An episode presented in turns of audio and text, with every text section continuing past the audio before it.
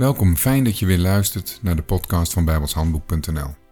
De podcast waarbij we bepaalde begrippen uit de Bijbel uitvoerig bespreken.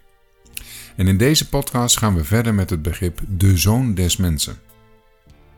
In een vorige podcast hebben we het gehad over zoon en erfgenaam. We hebben toen gezien dat de zoon de erfgenaam is. Datzelfde geldt ook voor de zoon des mensen. In het Hebreeuws staat er Ben Adam. Ben is zoon en Adam is Adam. Zoon des mensen betekent dus zoon van Adam of erfgenaam van Adam.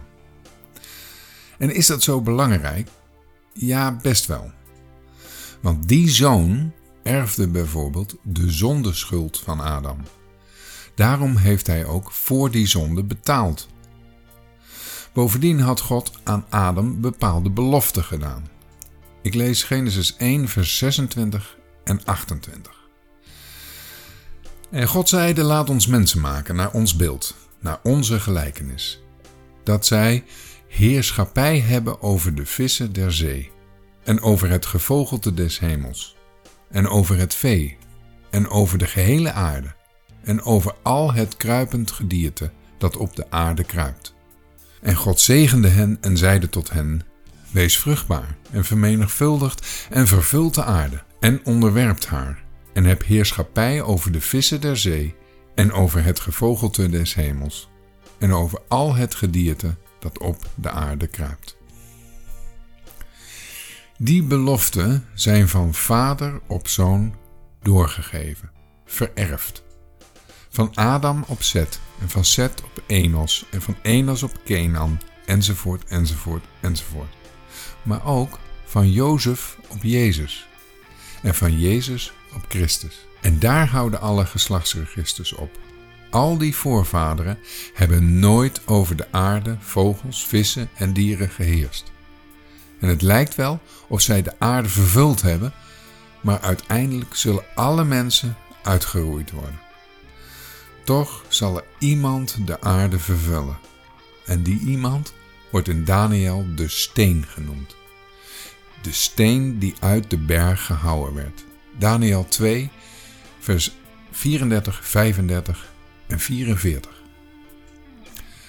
Dit zaagt gij, totdat er een steen afgehouwen werd zonder handen. Die sloeg dat beeld aan zijn voeten van ijzer en leem en vermaalde ze. Toen werden tezamen vermaald het ijzer, het leem, koper, zilver en goud. En ze werden gelijk kaf van de dorstvloeren des zomers. En de wind nam ze weg. En er werd geen plaats voor dezelve gevonden. Maar de steen die het beeld geslagen heeft, werd tot een grote berg, alzo dat hij de gehele aarde vervulde. Doch in de dagen van die koningen zal de God des hemels een koninkrijk verwekken dat in de eeuwigheid niet verstoord zal worden. En dat koninkrijk zal aan geen ander volk overgelaten worden. Het zal al die koninkrijken vermalen en teniet doen. Maar zelf zal het in alle eeuwigheid bestaan. Die steen is Christus. Kijk ook maar in 1 Korinthe 10 vers 4. Hij zal een eeuwig koninkrijk vestigen en hij zal over de hele aarde heersen.